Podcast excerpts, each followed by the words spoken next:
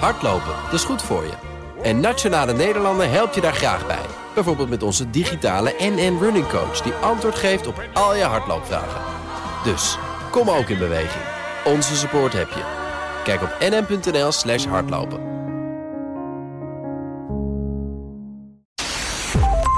And I want you all to know we are fake news. Fake, incorrect statement. Um, we would call it fake news. Dit is de Fact Cruise podcast. Fact Cruise is onder andere een factcheck rubriek op dinsdagochtend om 7 voor 9 bij BNR's De Ochtendspits met Bas van Werven. En ik ben Frank Leeman. En deze podcast neem ik op op vrijdag 5 april. En afgelopen dinsdag behandelde ik dit onderwerp al bij de Ochtendspits. Maar in de tussentijd is er zoveel nieuws rondom dit onderwerp dat ik nog eventjes opnieuw de aandacht eh, aan wil besteden. Want op 22 mei publiceerde het medische tijdschrift The Lancet een onderzoek over hydroxychloroquine, het iets minder giftige broertje van het malaria-medicijn chloroquine. En uh, overigens in de rest van deze podcast noem ik hydroxychloroquine HCl. Dan hoef ik niet steeds het hele woord uh, te zeggen.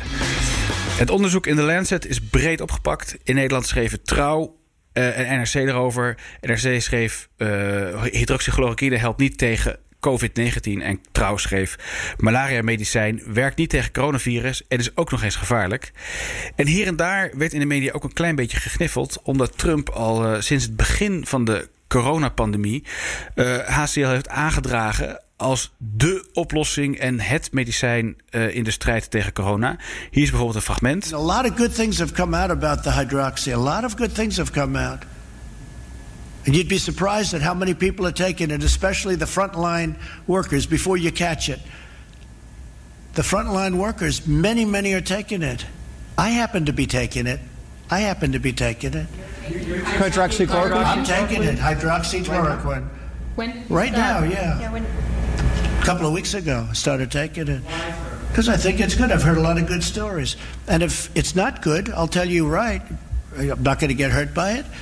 It's been around for 40 years for malaria, for lupus, for other things. I take it. Frontline workers take it. A lot of doctors take it. Excuse me. A lot of doctors take it. I take it.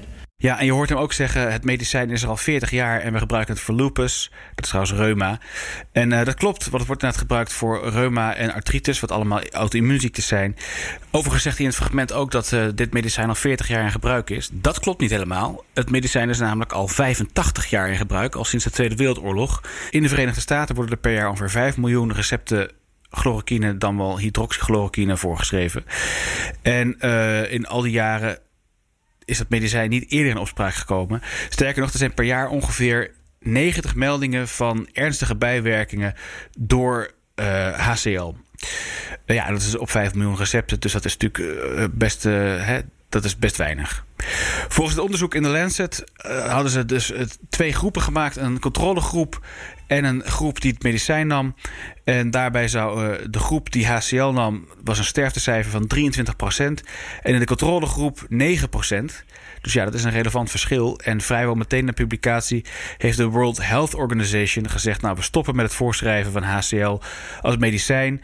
Grote megatrials zijn stopgezet. En ook de FDA heeft gezegd: we trekken de emergency protocollen voor HCL trekken we in. Maar op 3 juni, dus laten we zeggen anderhalve week later, werden die beslissingen alweer ongedaan gemaakt omdat het onderzoek rammelt. Maar wat rammelt er? De data van het onderzoek kwam van het tot dan toe onbekende Surgisphere, een databedrijf in Chicago, en viel op door de grote dataset, namelijk 96.000 patiënten zouden er in hun database zitten. En wat daar met name aan opviel is de grote hoeveelheid details die ze beschreven in hun onderzoek. Terwijl bij grote datasets uh, dat soort details normaal gesproken niet zo nadrukkelijk aanwezig zijn. In dit geval gaf Surgisphere aan dat ze bijna 700 ziekenhuizen de data van hadden gekregen van uh, zes continenten. Nou weet ik niet, de meeste mensen die op een kantoor werken en wel eens een, met een database te maken hebben of alleen al een Excel-sheet. Ja, dan weet je gewoon dat als je vanuit verschillende bronnen data aangeleverd krijgt. om dan die dingen met elkaar te matchen, dat werkt niet en vallen er dan al heel vaak tabellen af. En zo is het ook bij dit soort van data mining studies. Aan de hand daarvan is er heel veel druk gezet door onderzoekers. Bijvoorbeeld onderzoekers die hun eigen trial uh, gecanceld zagen worden. En online speurneuzen. Die ze hebben gezegd al sinds het begin, dit onderzoek, daar klopt niks van. Uh, dat de Lancet op 3 juni een expression of concern publiceerde. En gisteravond Nederlandse tijd, dus 4 juni, het hele artikel uh, teruggetrokken heeft. Interessant genoeg waren online nog uh, twee onderzoeken. Eén COVID-gerelateerd onderzoek, waar de data ook van Surgisfair kwam. Uh, die ook een Expression of Concern stempel kregen, namelijk in de New England Journal of Medicine. En een derde onderzoek met Surgisfair data ligt inmiddels ook onder, voer, uh, onder vuur, ook wel een klein beetje logisch. En dat is een onderzoek over het antiparasietenmedicijn uh, ivermectine. En ook hier dezelfde reden, vragen bij de betrouwbaarheid van de data. Wat het allemaal extra mistig maakt, is dat Surgisfair tot nu toe nog niet heeft gereageerd op de verzoeken tot het openbaar maken van de data. Uh, uh, de Lancet heeft zelfs gezegd: nou, je hoeft het niet openbaar te maken, maar dan willen wij een onafhankelijke researcher aanstellen die bij jullie komt naar de data kijken. En daar heeft tot nu toe uh, Surgisfair van gezegd: daar werken we niet aan mee, want onze data is goed. Dus wat is het voor onzin? Nou, dat, maakt het, hè, dat, dat wekt natuurlijk geen vertrouwen. De data voor het HCL-onderzoek waren records van COVID-patiënten, dus van in totaal 671 ziekenhuizen verdeeld over zes continenten. Uh, volgens het paper hadden 15.000 patiënten chloroquine of hydro hydroxychloroquine gekregen en was er een controlegroep van 81.000 mensen. En dat is dus een hele grote dataset. Dus wat was er mis? Nou, die dataset was dus in afspraak. Een van de dingen die opviel was dat 66% van de patiënten uh, waren in Noord-Amerika. Maar de beschreven dosissen in die records waren vele malen hoger dan wat de FDA toestaat. En over het algemeen houden ziekenhuizen zich aan die protocollen.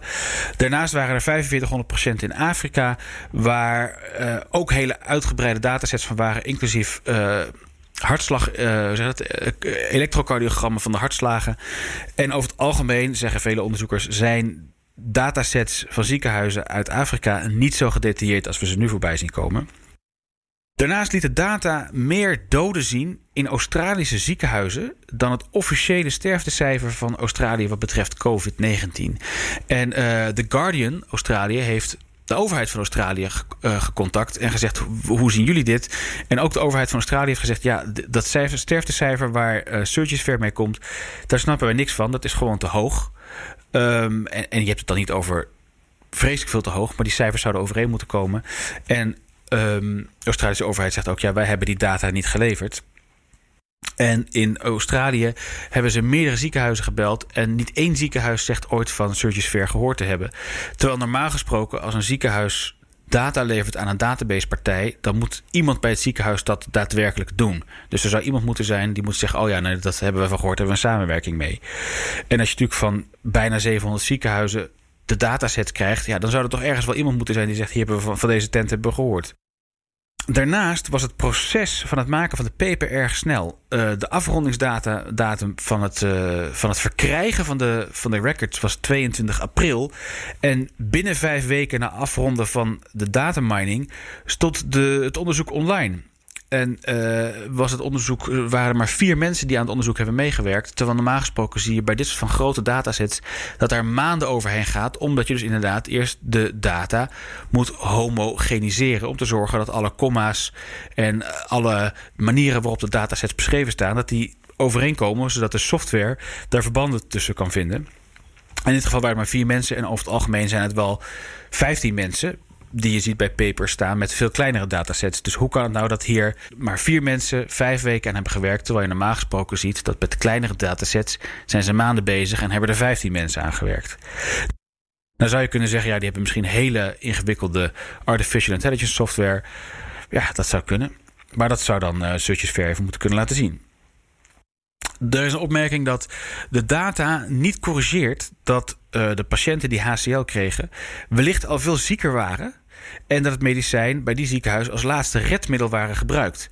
En uh, er is in de literatuur al eerder beschreven dat het moment waarop er begonnen wordt met HCL belangrijk is voor de, voor de uitkomst van de ziekte. Um, begin je te laat, dan maakt het weinig uit. En begin je vroeger, dan lijkt er nu ja, voorzichtig iets van een verbetering te zien te zijn. Maar die wetenschap, dus waar de, de, dag waarop er begonnen wordt met het behandelen met hydroxychloroquine, wordt niet meegenomen in het onderzoek. Terwijl andere onderzoeken dus laten zien dat er ja, vroeg begonnen moet worden. Dus er zou voor gecorrigeerd moeten worden. En dat willen ze ook weten als er binnen een ziekenhuis een groep met patiënten was die het niet kreeg en een groep met patiënten het wel kreeg, daarvan vragen ze zich af: ja, als een dokter twee patiënten ziet en de een krijgt wel HCL en de ander niet, wat is daar dan de reden voor? En moet je daar niet voor corrigeren in je dataset? Om het geheel nog wat vager te maken, is de online presence van Surgisphere ook super vaag. Uh, de website heeft bijvoorbeeld geen partnerziekenhuis erop staan. Terwijl normaal gesproken zeggen dit soort tenten maar, uh, met veel plezier... we werken samen met UCSF of we werken samen met Mount Sinai... of we werken samen met Erasmus MC of wat dan ook. Dat staat hier niet bij. En wat ook een, een, vaagheid is, is je hebt een, een arts, onderzoeker en investeerder, James Dodaro. Uh, die heeft een blogpost geschreven op 29 mei. Uh, waarin hij aangaf gaf dat het vreemd is dat als Surgisphere zo'n grote dataset heeft, dat ze pas in één ander peer-reviewed paper genoemd zijn. Terwijl ze in eigen website zeggen dat ze al aan meer dan 23 onderzoeken hebben meegewerkt. De arts, overigens ook, of de, de onderzoeker en overigens ook mede-eigenaar van Surgisphere, is ook pas in, een, uh, in nog geen vier of vijf papers genoemd. Terwijl ja, dat, je zou verwachten dat die dus uh, allerhande bij papers erbij gehaald worden. En waarom zou je, als je een dataset hebt van 100.000 records, maar één ander, publiceren, één ander paper publiceren? En wat er vreemd aan is, is dat heel veel onderzoekers die zeggen: ja, zo'n grote dataset met zoveel, da met zoveel details, die zien we niet vaker. Hoe kan het dat we daar niet eerder van gehoord hebben? Dit is de allereerste keer dat ze hiermee uh, ja, in de aandacht komen. Verder schrijft James Todaro ook nog dat hij bij de Wayback Machine, hè, dat is een, een internetding waar je een URL kan intypen en dan kan je zeg maar terug in de tijd om te kijken hoe de website er vroeger uitzag. Die schrijft, merkt terecht op dat de Wayback Machine heeft van 439 miljard websites snapshots staan. Als je zoekt op Surgisphere bij de Wayback Machine, dan krijg je een melding dat de Wayback Machine geen toegang krijgt tot de website. En dan kan je, als je een website hebt, kan je jezelf uitsluiten van zeg maar, de krabbelaar van, uh, van de Wayback Machine. Maar ja, goed, 439 miljard websites hebben dat niet gedaan. En toevallig deze ene uh, Surgisphere website, zal vast niet de enige zijn, maar goed, die hebben dat dus wel gedaan. En waarom zou je dat doen? Over het algemeen zie je dat bij ja, wat meer uh, criminele activiteiten, dat die zichzelf uitsluiten van de Wayback Machine. Daarnaast is het opvallend dat een van de eigenaren van het bedrijf ook een van de vier onderzoekers is op het paper. Op LinkedIn werken alle Surgisphere-medewerkers niet langer dan vijf maanden voor het bedrijf. Um, en het was tot voor kort zo, als je op uh, Get in Touch drukte op de Surgisphere-website, dan ging er per ongeluk een template aan van een of andere vage uh, cryptocurrency website. Uh, want het is gewoon een, de, de, hele Surgisphere website is gewoon een WordPress ding. Dat is op zich niet zo vaag. Uh, wat dat doen veel bedrijven. Maar in dit geval is het vreemd omdat het dus gekopieerd is van een cryptocurrency website. En als je daarop klikte, dan kwam al de cryptocurrency content weer naar boven. Nou, dat is net gefixt. maar opmerkelijk is het wel. Maar dit alles is natuurlijk wel een tikje komisch. En terecht dat de Lancet dit onderzoek heeft teruggetrokken. Ja, er is nu veel kritiek op de Lancet. Want uh, er zijn natuurlijk mensen die zeggen... ja, maar als dit onderzoek al niet klopt... welke onderzoeken kloppen er wel meer niet? Nou moet ik zeggen dat in 100 of zo fact-check items... we wel vaker onderzoeken tegenkomen waarvan je denkt... nou, dit had eigenlijk nooit gepubliceerd moeten worden. En waarvan we ook wel eens eerder hebben gezegd... hoe is het in godsnaam de peer review doorgekomen? Nou ja, zo goed ook deze, maar dit is wel de vaagste. Hier is iets heel raars aan de hand... En we zullen vast in de komende weken gaan lezen wat er uh, mogelijk aan de hand geweest is. Kortom, uh, hydroxychloroquine. Ja, het is niet bewezen dat het wel werkt, maar dit onderzoek bewijst in ieder geval ook niet dat het niet werkt. Gelukkig hebben de World Health Organization en een aantal megatrials uh, hun onderzoeken weer in werking gezet. Dus hopelijk komen daar snel uh, ja, onderzoeken en resultaten uit die, die we wel kunnen vertrouwen. Tot zover de Factours podcast. Hopelijk tot de volgende keer. Hoi. Hardlopen, dat is goed voor je. En Nationale Nederlanden helpt je daar graag bij. Bijvoorbeeld met onze digitale NN Running Coach... die antwoord geeft op al je hardloopvragen. Dus, kom ook in beweging. Onze support heb je. Kijk op nn.nl slash hardlopen.